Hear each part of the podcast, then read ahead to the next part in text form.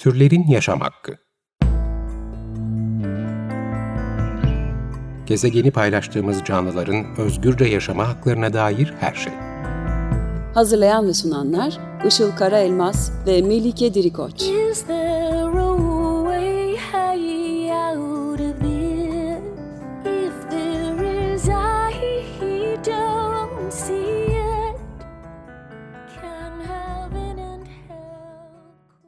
Merhabalar, 94.9 Açık Radyo'da Türlerin Yaşam Hakkı programı başladı. Ben Işıl Karaelmaz. Merhabalar, ben de Melike Dirikoç. Teknik Masa'da Selahattin Çolak'la birlikte kayıt alıyoruz bugün. Bugünkü destekçimiz İrfan Simsar'a ve diğer tüm program destekçilerimize çok teşekkür ederiz.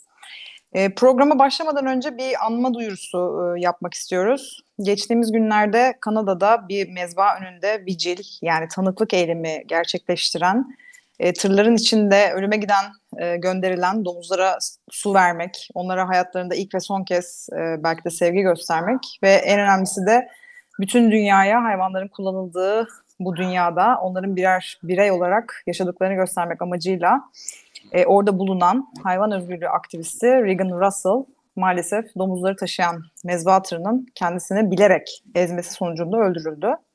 E, vigil yani tanıklık etme eylemleri dünyanın birçok yerinde yapılmakta olan eylemler, barışçıl eylemler ve farkındalık yaratma amacındaki eylemler. E, ancak olaydan yalnızca iki gün önce Bill e, 156 olarak bilinen yani e, 156 sayılı yasa tasarısı ile hayvanların öldürüldüğü, sömürüldüğü alanlara girilmesi suç olarak sayılmaya başlamıştı. Bunun sebebi de hayvanları e, sömüren, öldüren ve e, onların sırtından e, akıl almaz paralar kazanan şirketlerin ve finanse ettikleri hükümetlerin insanlara yemek olarak sundukları şeylerin aslında ne olduğunu, daha doğrusu kim olduklarını bilmelerini istememeleri. Hayvanları, insanları ve gezegeni hiç düşünmeden yok eden karanlık yalanlar üzerine kurulu, insanları manipüle eden e, ve gerçekleri çarpıtan hayvan köleliği sektörünü buradan bir kez daha e, herkesi boykot etmeye ve e, vegan olmaya çağırıyoruz herkese. Evet, Regan Russell'ın taşıdığı pankartlardan birinde de şöyle diyordu, bu beni bayağı etkiledi. Eğer siz bu tırın içinde olsaydınız, bizler de sizin için de burada olurduk diyordu. 65 yaşında hayatını kaybetti. Hayvan özgürlüğü aktivisti Regan Russell'ı anarak başladık şimdi e, e, bugün. Bugünkü e, konumuza ve konuğumuza geçelim. Bu hafta bir konuğumuz var. Ve bu hafta bildiğiniz gibi Onur Haftası kutlanıyor. Ve biz de türlerin yaşam hakkında bu hafta herkesin LGBTİ artı onur haftasını kutluyoruz. Evet, kutlu olsun. E, geçen hafta e, insan dışı hayvanlara uygulanan şiddetin e, ve zulmün insanların birbirine uyguladığı diğer ayrımcılık biçimleriyle yani ırkçılık, tra- e, cinsiyetçilik, heteroseksizm, transfobi gibi e, ayrımcılıklarla bağlantısını ve e, kesişimselliğini konuşmuştuk. Bugün de bu kesişimselliği konuşmaya devam edeceğimiz bir konuğumuz var. Vegan transfeminist model Iris Mozalar bizimle birlikte. Iris hoş geldin. Hoş buldum. Merhaba herkese. Hoş geldin Eris. Ee, şöyle girelim. Biraz kendinden bahsetmek ister misin yaptıklarından? Çünkü birçok alanda aktivizm yapıyorsun sen. Ee, şöyle, zaten bahsettiniz. Veganım. E, trans feminist olarak tanımlıyorum kendimi. E, modelim aynı zamanda. E, performans sanatçılığı yapıyorum. Vakit veya iş geldikçe Spotify DJ'lik ya da DJ'lik de e, bunları yapıyorum. Mimar Sinan Güzel Sanatlar Üniversitesi Mimarlık Fakültesi'nde şehir planlama bölümünde okuyorum aynı zamanda ve bir mağazada e, satış danışmanıyım. Bir sürü Hepsini şey bir arada yapıyorsun. evet. Süpersin gerçekten. Iris bize birazcık e, Türkiye'de trans olma e, deneyiminden bahsetmek ister misin? Tabii ki. Türkiye'de trans olma deneyimi. Yani e, şöyle söyleyeyim. E, Türkiye Anayasası'nda, Türkiye Cumhuriyeti Anayasası'nda zaten cinsel yönelim ve cinsiyet kimliği tanınmıyorken trans olmanın yasal olarak tamamen tanındığını söyleyemeyim. E, böyle bir e, bağlam içerisinde de e, trans olmak, trans bir kadın olarak yaşamak ve temel haklarıma erişmek tabii ki zor ve güç aynı anlamda gerçi ama. Böyle bir durumda e, ben e, 18 yaşında aslında cinsiyet ölüm sürecine başlamıştım.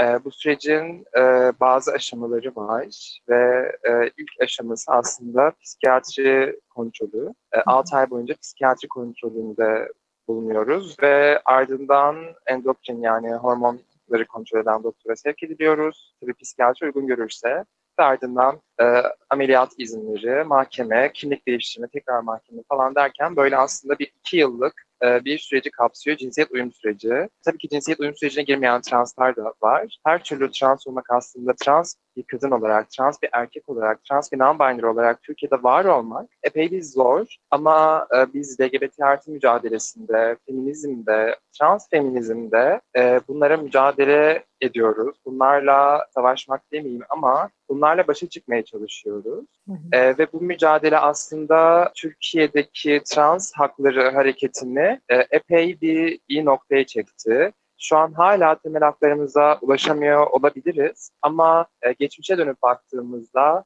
şu an e, çok daha iyi bir yerde olduğumuzu düşünüyorum. Ve bundan sonrası içinde daha da iyi bir yere geleceğiz. Ve geçtiğimiz günlerde Pembe Hayat e, Derneği e, Translarla Eşitlik e, manifestosu yayınladı ve 18 Haziran'ı e, Translarla Eşitlik Günü olarak ilan etti. 18 Haziran e, trans seksüelliğin, transgender olmanın e, hastalık olarak tanımlanmasının hastalık listesinden, hastalık tanımından çıkartıldığı gün e, ve bugünü de e, Translar Eşitlik Günü ilan etti. Aslında trans mücadelesinde en önemli şey eşitlik şu an gündemimizde. Çünkü translar bir vatandaş olarak, bir birey olarak, bir insan olarak diğer insanlarla, na trans insanlarla eşit gözükmüyor ne yazık ki toplum içerisinde ve bunu öne çıkartmak için e, böyle bir gün ve böyle bir manifesto yayınlandı. E, şu anki gündemimiz trans hareketinde eşitlik ve elbette bundan sonrası da e, translarla eşit. Biraz trans feminizmden bahsetmek ister misin? E, biliyoruz ki feminist hareketin içinde maalesef bazı fobik söylemlerle, e, transfobiyle karşılaşabiliyoruz. Bu noktada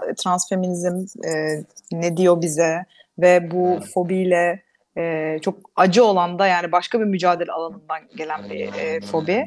E, bunlar hakkında ne söylemek istersin? Şöyle aslında transfeminizm e, nedir ve neden vardır konuşmak ilk önce kısaca iyi olabilir. Hı hı. Zaten evet. biraz bahsettim ama e, transfeminizm aslında e, ilk çıkan yani ana akım feminizm içerisinden ayrılan siyah, siyah feminizm, lezbiyen feminizm gibi e, kendilerini ana akım feminizm hareketinin ikinci öznesi olarak gören kadınların ve e, feminist öznelerin bir hareketi olduğu, e, keza lezbiyen feminizm de böyle oldu ve aynı zamanda şimdiki özellikle Türkiye gündemine yerleşen trans feminizm de böyle bir yerden çıktı. Translar e, kendilerini feminist bir özne olarak e, var etmek için aslında trans feminizme ihtiyaç e, duydu ve bu yüzden de trans feminizm böyle kendini var etti. Feminizm içerisinde, ana akım feminizm içerisinde ya da ana akım feminist hareket içerisinde transların e, kabul edilmemesi, trans kadınların tamamen kadın kabul edilmemesi veya dişi kabul edilmemesi,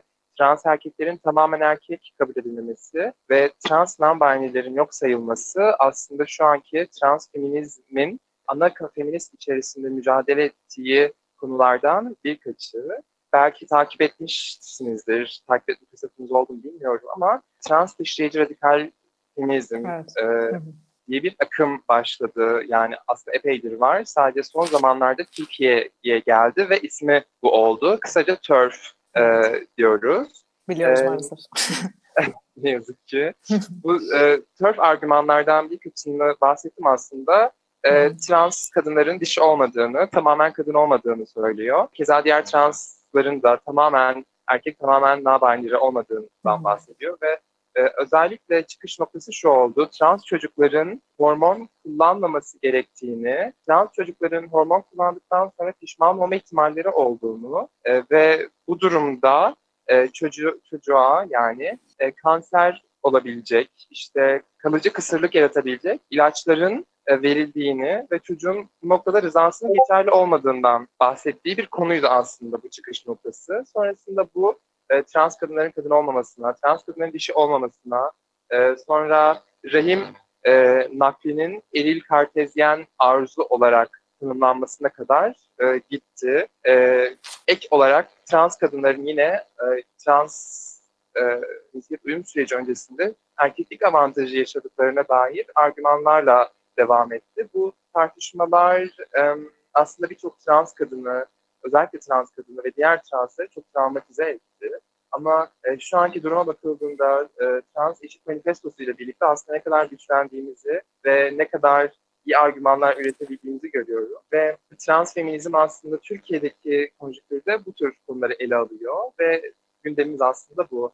E, aslında sadece Türkiye'de değil dünyada da bir trans dışı radikal feminizme karşı trans feminizm ilkesi ile hareket ediliyor. Trans feministler bunu yapıyor. Yani genel olarak aslında konumuz, gündemimiz ve hak mücadelemiz böyle.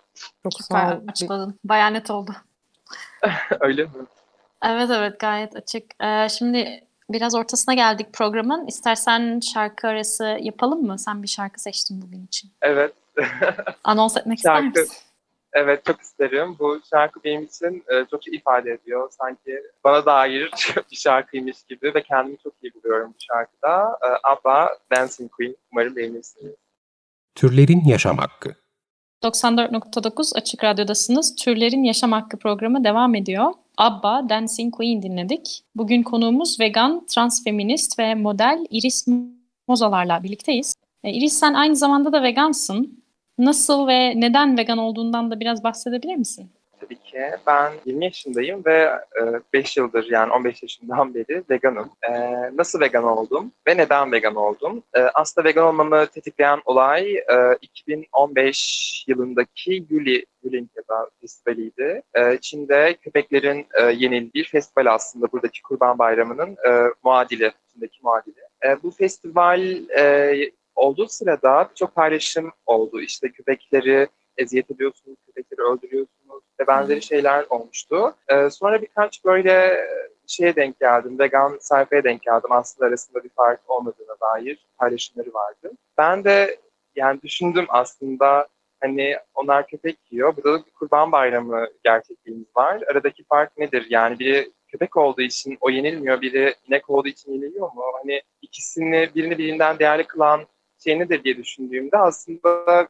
birini diğerinden değerli kılan, kılan hiçbir şeyin olmadığını, ikisinin de acı çektiğini, ikisinin de duyguları olduğunu, ikisinin de aslında düşünebilen, hissedebilen hayvanlar, canlılar olduğunu fark ettim. Sonrasında zaten e, bir gecede yani garip bir şey oldu. Okula başlayacaktım. Ben e, sanırım lise 2'ye başlayacaktım. Lise 3 de olabilir emin değilim. Okul, ertesi gün okul vardı ve o gece ben annem yanındaydı ve anneme dedim ki anne ben e, vegan oldum. Nasıl nasıl oldu? Ne yiyeceksin falan kafalarına girdik böyle. Ben e, yerim bir şeyler falan diye buldum ve sonrasında yani e, böyle geldi 5 yıldır falan. Sadece böyle bir hafta bir e, şey çektim. E, programımı ve diyetimi değiştirmeye dair. Ondan sonrası aşırı kolay aktı. E, ve şu anda da aşırı sağlıklıyım. Şu anda da aşırı e, iyiyim yani bu konuda. E, böyle yani 15 yaşından beri vegan olmanın verdiği de bir sağlıklı olma hali var. Yani e, mesela e, hormon kullanıyorum ve bir takım antidepresanlar, antipsikotikler kullanıyorum. Bunların normalde e, benim böyle karaciğerime falan zarar vermesi beklenir. Ama şu an karaciğerim sapasağlam, vitamin değerlerim çok iyi.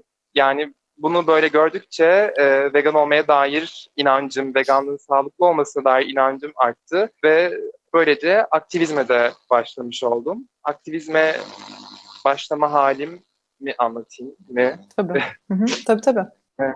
Şöyle, e, yani veganlık benim için aslında bir nasıl desem yükümlülük. Yani aslında benim için de değil de genel evrensel etiğe bakıldığında e, mantıksal durum içerisinde bir yükümlülük olarak ortaya çıkıyor. Hayvanları, daha doğrusu insan harici hayvanları mal ve kaynak olarak kullanmama yükümlülüğü olarak görüyorum ben e, veganlığı. Kendi hayatımızdan hayvan kullanımını uzaklaştırmak olarak bakıyorum veganlığa. E, aynı zamanda aktivizm yaptığım alanda e, abolisyonist vegan teoriyi ya da hayvan haklarına abolisyonist yaklaşımı takip ediyorum. Bu yaklaşım benim için aslında şöyle bir şey. Hayvanların mal ve kaynak olarak kullanılmama hakları vardır ve bu yaklaşımda ben bu hakkı tanımam gerekir, bu yükümlülüğü yerine getirmem gerekir. Aynı zamanda tüm ayrımcılıklar birbirinden beslenir ve bu beslenen ayrımcılıklar için de karşıya karşısında durmamız gerekir. Bu beslenen ayrımcılıkların da karşısında durmamız gerekir. Temel olarak türcülük, atarki, heteroseksizm, e, sisseksizm, kapitalizm e, gibi böyle aslında tüm bu ayrımcılıkları, şu anki tüm insanları ve hayvanları sömüren ideolojileri reddetmek ve bunlara karşı mücadele etmek anlamına geliyor. Benim için en azından e, vegan abolisyonist vegan aktivizm budur. Ama vegan aktivizm dediğimizde e, sadece ben hayvanları kullanıyorum ve sadece hayvanların temel haklarına e, odaklanıyorum. Bu aktivizm yaptığımda böyle. Bu bağlamda o zaman e, şu soruyu sana yöneltmek isterim. E, şimdi kesişimsellik konuşuyoruz, işte topyekün bir özgürlük mücadelesi olması gerektiğinden konuşuyoruz. E, sence bazı alanlardaki baskı sistemlerini çökertmeye çalışıp alanlardaki baskı mekanizmalarının üreticisi pozisyonu olarak bu sistemi değiştirmemiz mümkün mü? Yani e, bunu bir, biraz da şey yüzünden e, soruyorum.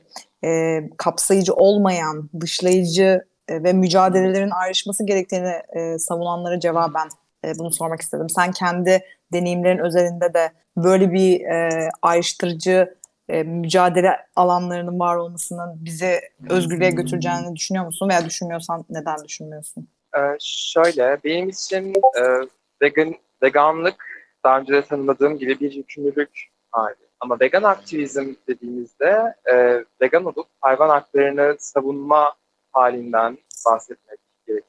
Benim açımdan böyle. Ve veganlığın sadece hayvanlar e, temelinde bir yükümlülük olduğunu düşünüyorum. E, tabii ki abolisyonist kuram üzerinden aktivizm yaptığım için diğer tüm ayrımcılıkları da reddediyorum. Ama diğer tüm ayrımcılıkları reddetme halim vegan olmamla ilişkili değil bana göre. Ee, örneğin e, bunu şöyle e, kurabiliriz aslında. Bir mezbaha var ya da herhangi bir hayvan sömürüsü. Bildiğimiz üzere e, dünyadaki süt, et, yumurta ve benzeri tüm endüstriler son derece çevreye zararlı endüstriler. Hı hı. E, ve son derece yani kapitalizmi besleyen, kapitalizmden gelen e, endüstriler. Ama burada şuna ikinci planda değinmenin gerekli olduğunu düşünüyorum. Ekoloji, e, kapitalizm e, gibi noktalara ikinci planda değinmenin gerekli olduğunu düşünüyorum. E, çünkü asıl konumuz, oradaki asıl meselemiz hayvanların sömürülüyor, hayvanların haklarının, temel haklarının ihlal ediliyor olması bence. Bunu şöyle bir örnekle ifade edeceğim. Örneğin e, bir toplama kampı var. İnsanlar ırklarına dair e, toplanılmış ve orada işkence görülecek veya yakılacak bir şey olacak. Bu noktada bizim savunacağımız şey e, o insanları yakmayın çünkü çevreye zarar veriyor olmayacaktır. O insanları yakmayın, o insanlara zarar vermeyin çünkü bu yaptığınız şey ırkçılık, çünkü bu yaptığınız şey antisemitizm, çünkü bu yaptığınız şey insan haklarına aykırı deriz. Ve aynı noktada hayvanlar için de böyle düşünmeniz gerektiğini düşünüyorum. Ekoloji, endüstri, kapitalizm gibi şeyler hayvan haklarında biraz daha geri planda durmalı. Ama başta da dediğim gibi ben abolisyonist kuramı da takip ettiğim için tabii ki tüm ayrımcılıklara karşıyım. Ee, ve bil, yani bu e, bağlam içerisinde tabii ki tüm ayrımcılıklar birbirinden besleniyor. Yani şimdi şunu diyemeyiz. Hayvanların sömürülmesi tamamen türcülükle ilgilidir. Ee, hayır, hayvanların sömürülmesi günümüzde tamamen türcülükle ilgili değil. Aksine e, ataerkiyle de, kapitalizmle de ilgili e, diğer birçok boyutu var. Yani e, insanların da temel haklarının tanınmadığı zamanlar oluyor. Hayvanların da temel haklarının tanınmadığı zamanlar oluyor. Ve biz tüm ayrımcılıkların yani ben tüm ayrımcılıkların birbirinden beslendiğini iddia ederken tabii ki de bunların da birbirinden beslendiğini bir insana şiddet uygulamanın, transfobinin de dolaylı yoldan aslında hayvanlara şiddet uygulamanın da önünü açtığını söyleyebilirim. Çünkü şiddet uygulamak bir insan, bir e, kişiyi keyfi veya zevki bir yerden veya alışkanlıktan dolayı birine zarar vermek e, aslında aynı mantıkla birçok şeye daha zarar verebilir. O yüzden ayrımcılıklar arasında bir hiyerarşi kurmanın doğru olduğunu düşünmüyorum. Tüm ayrımcılıklar eşit olarak evet. yanlış ve kötüdür bence. Umarım Aynen anlatabildim. Öyle. Çok güzel bir noktaya geldik. Kusura bakma araya girdim çünkü süremiz bitti ne yazık ki. E, kapanışa geçmemiz lazım. Evet, yok ama çok e, tam iste, istediğimiz şekilde anlattın yani kesişimsellik derken tam da bunu sormuştuk. Teşekkür ederiz. E, o zaman kapatalım yavaş yavaş. 94.9 Açık Radyo'da türlerin yaşam hakkını dinlediniz. Bugün farklı ayrımcılık ve baskı biçimlerinin kesişimselliğini konuştuk konuğumuzla. Konuğumuz vegan, transfeminist, aktivist Iris Mozalar'dı. Onun deneyimleri üstünden de konuşmaya çalıştık. Iris katıldığın için çok teşekkür ederiz. Ben çok teşekkür ederim. Evet Iris çok teşekkürler. Ee, çok değerli bilgiler verdin. Ee, bahsettiğimiz konularla ilgili kaynakları isteyenlerle e-mail yoluyla da paylaşabiliriz. E-mailimiz turlerinyasamhakki.gmail.com Ben Melike Dirikoç. Ben de Işıl Karaelmaz. Dinlediğiniz için teşekkür ederiz. Haftaya görüşmek üzere. Görüşmek üzere, hoşçakalın. Türlerin Yaşam Hakkı Gezegeni paylaştığımız canlıların özgürce yaşama haklarına dair her şey. Hazırlayan ve sunanlar Işıl Karaelmaz ve Melike Dirikoç. Is there a